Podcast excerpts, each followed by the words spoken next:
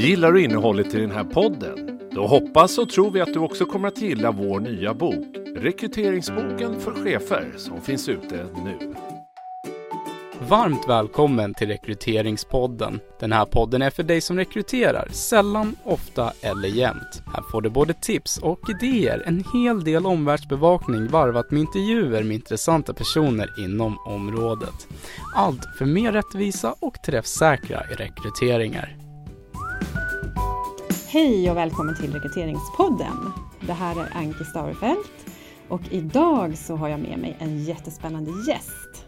Och eh, då vill jag säga välkommen till dig, Pia Hög från Skanska. Tack! Och jag tänker så här att du får presentera dig själv. Mm. Eh, jag har jobbat på Skanska nu i sex år och jag började som, i rollen som globalt ansvarig för mångfaldsarbete. Och det ansvaret har jag fortsatt men nu har jag också ett utökat ansvar lite bredare kring social hållbarhet. Just det. Mm. Och sen har ju jag kikat lite grann, jag har ju träffat dig i något sammanhang sedan tidigare och sen har jag kikat idag lite grann på din LinkedIn-profil och såg att du har ju en jättespännande bakgrund sedan tidigare också. Så kan du inte berätta lite grann om den också? Jo, jo apropå temat för dagen då, mångfald, så, så det här är ett område som jag i princip har jobbat med hela mitt yrkesverksamma liv. Först som forskare och då Eh, primärt med fokus på jämställdhet eller genusperspektiv på organisation och ledarskap. Eh, men sen så småningom så eh, började jag jobba också för Volvo-koncernen. Så att det är väldigt roligt att ha kunnat kombinera det här, både det liksom teoretiska och, och akademiska och där man ofta faktiskt får tid att gå på djupet kring saker men sen också omsätta kunskaper kunskapen mer i praktiken och faktiskt vara med och driva förändring. För att det är ju det också, det är ju då det, är ju då det spelar roll, eller det är ju då mm. det gör skillnad så att säga. Och det har du ju verkligen gjort, såg ja, jag. Ja. Bland annat då på Skanska. Ja. ja. ja. Så vilka, vilka mål har du redan så att säga kunnat se att det här har ni tillsammans kunnat åstadkomma hittills? Um, jag jobbade ju som jag sa på global nivå så att då blir det ju att vi mäter lite, ska man säga, fyrkantigt på ett sätt. Så en sak som vi kan mäta och som är relevant i alla våra marknader där vi är verksamma, det är ju det här med könsfördelning. Mm. Eh, och speciellt då kan vi ju se att kvinnor har varit väldigt låg, lågt representerade på de högre nivåerna. Så där är det någonting som vi har jobbat eh, väldigt medvetet kring och där ser vi ju att vi har gjort en rejäl förflyttning under de fem senaste åren.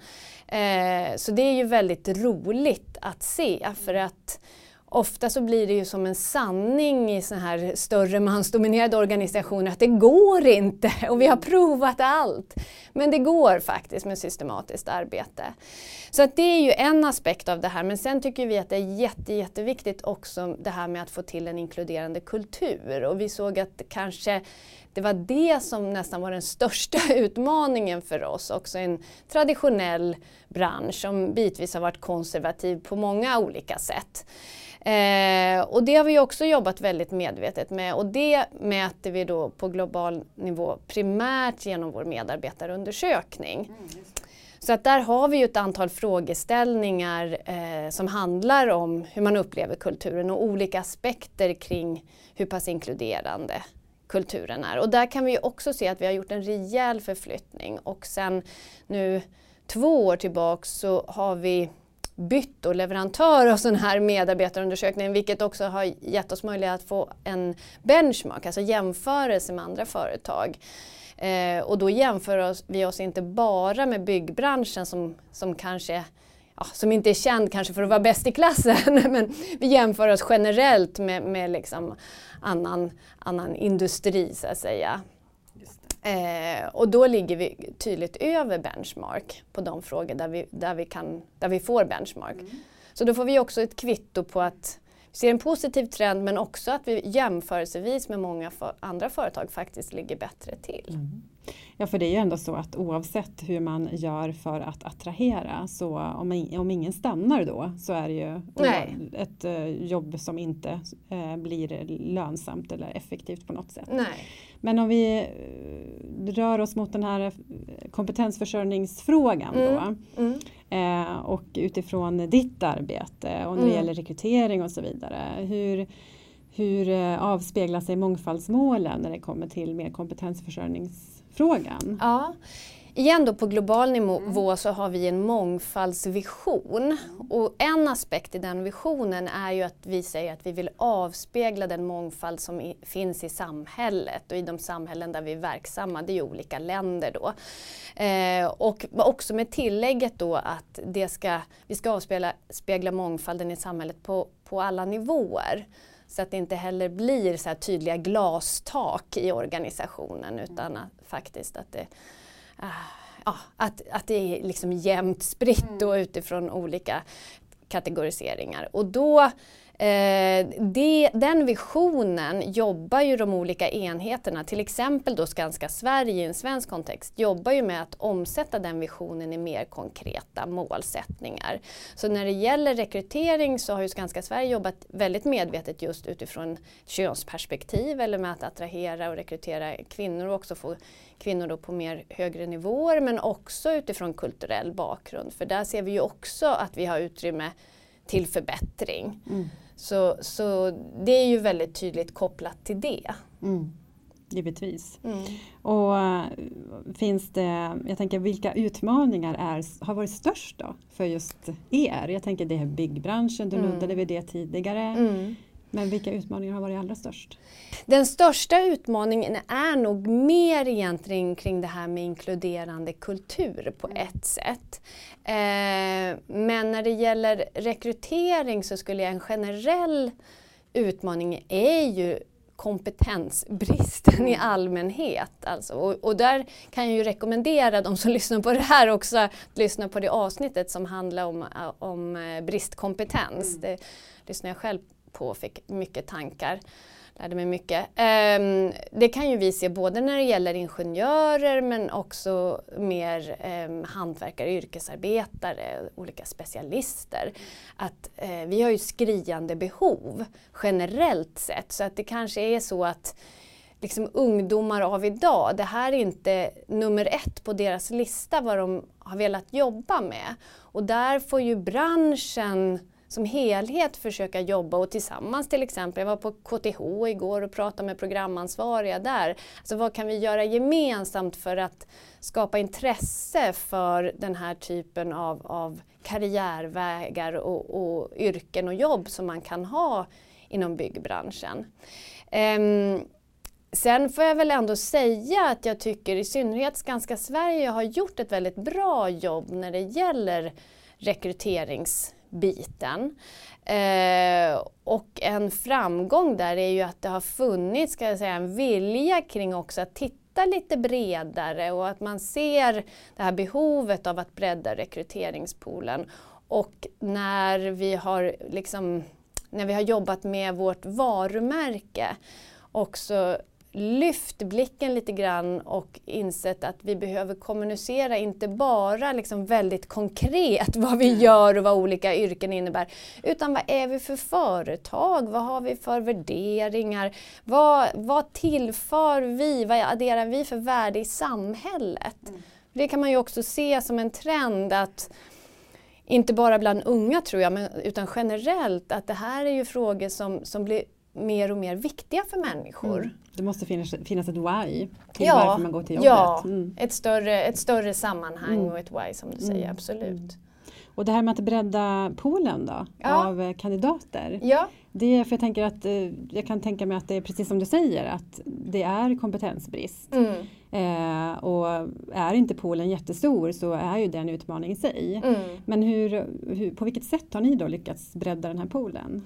Ett, ett, väldigt konkret exempel eh, som vi då på Sverigenivå igen, om jag tar ett exempel, det är ju ILP-programmet som vi har, internationella ledarprogrammet, som är ett samarbete med Arbetsförmedlingen. För vi såg ju, apropå visionen då att avspegla samhället, vi såg att vi hade utrymme till förbättring helt enkelt när det gäller kulturell bakgrund. Eh, och samtidigt så eh, läser man ju om då att det finns människor som är långtidsarbetslösa som inte kommer in på, på arbetsmarknaden och så. Så det här är ett samarbete där Arbetsförmedlingen hjälper oss att identifiera personer eh, med erfarenhet från byggbranschen men från andra länder. Ah. Eh, men som står långt från arbetsmarknaden, som har varit långtidsarbetslösa. Och jag får säga, det är helt fantastiskt vilken kompetens vi får in via det här programmet. Mm. Och programmet består då också av en kan man säga, utbildningsdel Eh, där det kan vara till exempel ja, men svensk bygglagstiftning, alltså mm. sådana saker som är väldigt specifikt för Sverige och som kan behöva förstärkas eller kompletteras. Men sen också praktik på Skanska och man får en handledare och, och också lära känna Skanska på djupet. Och, och mål, målet är ju att alla som kommer in i det här programmet eh, ska få en fast anställning. Men det är ju inte alla som kanske känner att det är rätt och där vi inte heller känner att det är rätt. Men i dagsläget så är det ju 70 procent som blir fast anställda om vi tittar tillbaka. Så det är sjätte gången som vi kör det här programmet och det är mellan 15 och 20 personer som går i varje omgång. Mm. Så att det är ju eh, kan man säga, det, det, det, är ju inte jättemånga människor som berörs men jag skulle säga att en sån, sån sat, satsning eh, är också del i en kulturförändring på oss ganska stort för att det här ger ju oss ökad kompetens om hur vi ska nå den här gruppen. Det förändrar kanske vissa invanda föreställningar mm. om, om liksom, eh, människor som kommer från andra länder.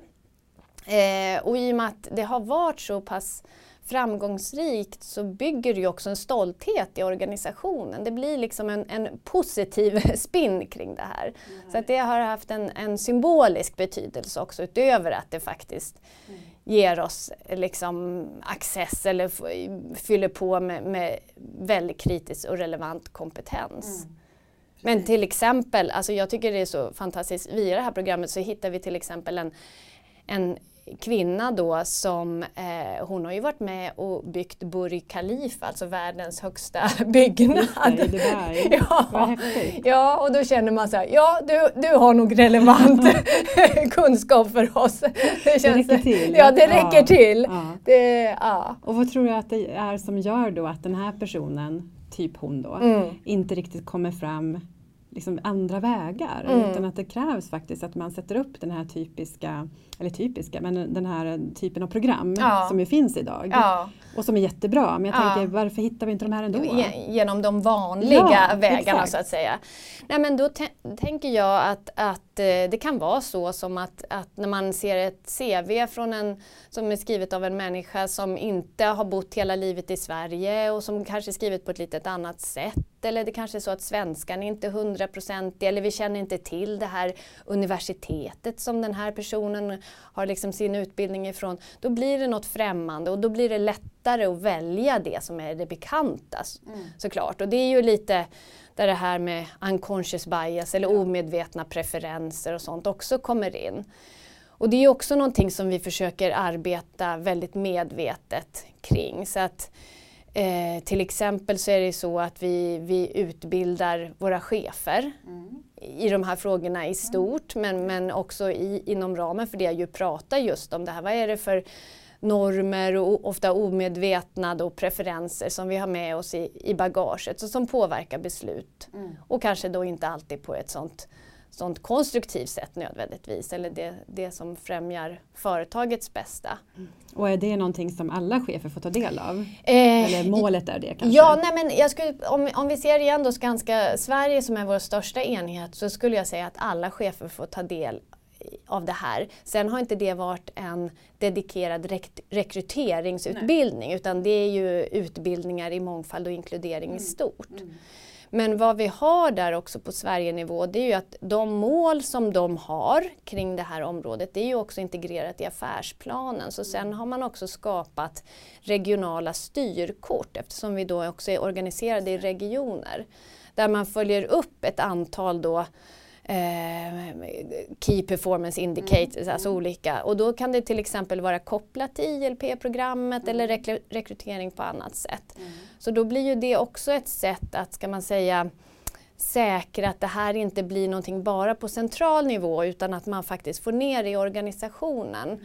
Men sen också att det är väldigt viktigt att, att man utgår från hur det ser ut i den specifika regionen och att att ledning och anställda där får ägandeskap för frågan. Så att det inte bara kommer någonting Nej. Och man från in, centralt håll? Ja, som, man, mm. som, som blir något påtvingat och man ser inte riktigt relevansen. Nej. Men det mäts ändå, man följer upp på absolut, det? Ja. Absolut. Och även fast att man inte har det som en specifik rekryteringsutbildning, precis det du pratar om, unconscious bias och sådär, det påverkar oss ju i många sammanhang, ja. inte bara inom rekrytering. Nej.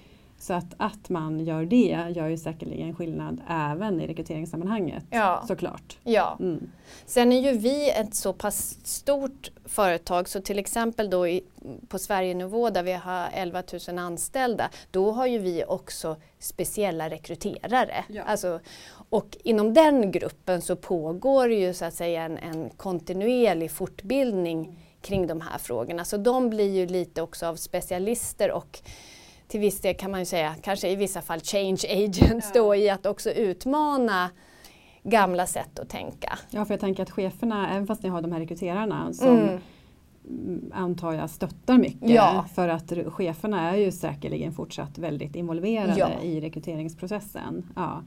Eh, så brukar det ju se ut på de flesta organisationer och då tänker jag då är en del utav de här rekryterarnas eh, uppdrag egentligen att säkerställa att de här att utmana unconscious mm. bias och så vidare. Och, mm. ja. Mm. Eh, för att det är ju, tänker jag, en utmaning annars. Att man mm. har så många ofta som är involverade i mm. rekryteringsarbetet. Och det är hela organisationen mer eller mindre.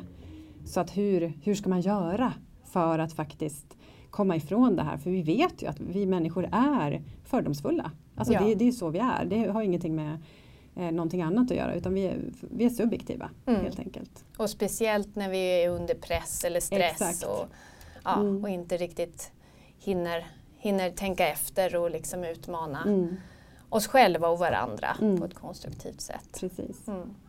Eh, är det någonting annat då som du tänker att du vill eh, lägga till just när det gäller ert eh, arbete utifrån mångfaldsmålen och, och så vidare? Ja, men, men då kan jag ju säga att i den här visionen som vi har så handlar det ju inte bara om att avspegla samhället utan mm. där pratar vi ju just om inkluderingsdimensionen också eftersom vi just har lärt oss lite grann den hårda vägen.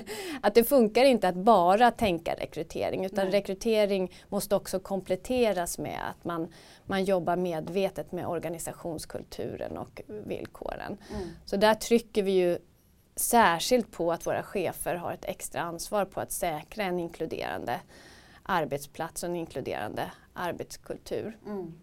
Och det som är lite roligt om jag återkommer till det här med vår medarbetarundersökning också, det är ju att där kan vi ju också nu se eh, när vi går in och tittar på korrelationer mellan olika frågor och, och det då som, som vår leverantör liksom har i sin forskning så att säga, bakom det här så kan vi ju se till exempel att den här frågan som handlar mer om ett inkluderande ledarskap, om ens chef utövar ett inkluderande ledarskap, den kor korreler korrelerar, korrelerar väldigt tydligt med effektivitet och eh, vilja att stanna kvar på mm. Skanska. Mm. Och det är ju inte förvånande, det finns ju massor med extern forskning som, som visar på det här men det blir ju också väldigt kraftfullt internt när man driver ett förändringsarbete när vi också kan visa att ja, men det här stämmer också hos oss. Ja, det är ju fantastiskt och precis som du säger det visar ju till exempel senaste LinkedIn-rapporten också ja. som handlar om rekrytering att just mångfald det, det är ju nummer ett någonstans mm. i Eh, och då tänker jag så här att utifrån att ja, men Skanska är en jättestor organisation. Eh, du har en dedikerad roll eh, i den här organisationen. Sen finns det de andra, jag tänker andra organisationer som där vi har lyssnare nu som mm. kanske inte har en specifik eh, ingen person som är ansvarig för den här frågan specifikt. Nej. Man kanske är en lite mindre organisation, mm. man vet inte riktigt, man vet att det här är viktigt. Mm. Men vet inte riktigt hur ska vi börja? Alltså hur mm. ska vi kunna jobba med den här mångfaldsfrågan som vi ändå tycker är så viktig. Mm. Och inte minst då inom kompetensförsörjning. Hur ska vi få in de här personerna? Hur ska vi rekrytera på rätt sätt och sådär? Vad har du för tips där? Ja, då tänker jag att det är ju alltid viktigt att utgå från hur det ser ut i dagsläget. Så man inte alltid bara sitter med bilder antingen om hur det ser ut eller hur det borde se ut. Utan hur ser vår organisation ut och försöka kartlägga. Eh, och också försöka kartlägga talangpoolen och sen se vilka är det som vi inte når i dagsläget. Och då hitta sätt att nå dem, dem via kanske andra nätverk, andra kanaler. Ehm, och speciellt om man kan konstatera då att vi är ganska homogena internt, då blir det ju extra viktigt för ofta le letar man ju också i sina egna nätverk. Det är också det här att, och det är ju ganska självklart, liksom, det man känner till och det man vet. Men då blir det ju lätt att man liksom åter, återskapar. Så då kan det också handla om att försöka etablera relationer till, till andra grupper. Om det inte liksom redan i, ska man säga, i, om, redan innan en rekryteringssituation. Mm. Det kan till exempel, ja, det kan ju vara att man kan engagera sig i, i, i liksom Um, områden där man ser att den här uh, talangpoolen finns. Eller liksom, det kan vara via mentorprogram, det kan vara via mm. skolor. Alltså, och där tänker jag också att de flesta organisationer oavsett storlek jobbar ju, eller att man har ofta någon form av kick-offer eller teambuilding och så här och också använda den typen av möten eller forum till att eh, vidareutveckla sig på det här området. Det är ju jättebra istället för att åka go-kart liksom, på, på en att istället Ja, inom, eh, ja, att man till exempel, mm. det finns massor med spännande TED-talks eller att man liksom bjuder in någon utifrån som kan ge lite input och att man har lite djupare diskussioner. Ofta lär man ju känna varandra också på en djupare plan då än när man gör något sånt här som egentligen, det kan vara roligt men, men det är bättre att förena nytta med nöje tänker jag där. Precis. Så utbilda inom unconscious bias till exempel Ja. istället för att åka Ja. kart. Ja, där finns det ju också, även om jag, jag vet att det, vissa tycker om det här och vissa inte lika förtjusta, men det finns ju det här Harvard, Harvard Simplicit Association Test som, som forskare vid Harvard har, har satt upp som är ett verktyg som är gratis tillgängligt för alla och på, på nätet då, där man då kan egentligen gå in och mäta sina omedvetna preferenser eller man ska säga, Bra eller omedvetna fördomar. Mm. Eh, ibland kan det här vara lite chockartat så att det är väl det att då, det är ingenting man bara ska göra så här eller initiera utan att faktiskt ha en plan hur man sen ska landa det. Mm. För det typiska är ju att vi alla tänker på oss själva som så oerhört eh, objektiva och jag, jag bryr mig ju bara om meriter och kompetens och eh, jag har ju inga Mm. fördomar om några andra. Och sen får man lite svart på vitt där att Det kan bli lite jobbigt. det då. kan bli lite Mm. jobbigt och då kan det också bli en, nästan, ibland en, en motreaktion lite Mm. att man, här, man vill inte ta till sig. Vad heter testet? Eh, implicit Association Test, så Mm. IAT. Mm. Och om man Bra går, tips. går in och, och googlar på det och Harvard IAT så kommer det upp. Och jag tror faktiskt att det finns svensk version på det Mm. också. Så kolla upp det det. där, Ja. det låter jättespännande. Mm. Mm. Bra! Eh, är det någonting annat som du vill tillägga utom det här det spännande som du redan har berättat? Oj. ehm, nej, alltså det finns ju så mycket att Ja. säga om det här men, men jag tycker att vi har täckt Mm. in mycket. Mm, Ja. tycker jag med. Men då vill jag tacka dig så jättemycket Pia för att du hade tid att komma hit och gästa oss här i Rekryteringspodden. Ja, men ta- tack själv och, och, eh, ja, och tack för en väldigt bra podd som jag uppskattar väldigt Ja, mycket. tack så mycket. Att, eh, Mm. Tack för idag! tack! Gillar du innehållet i den här podden? Då hoppas och tror vi att du också kommer att gilla vår nya bok, Rekryteringsboken för chefer, som finns ute nu.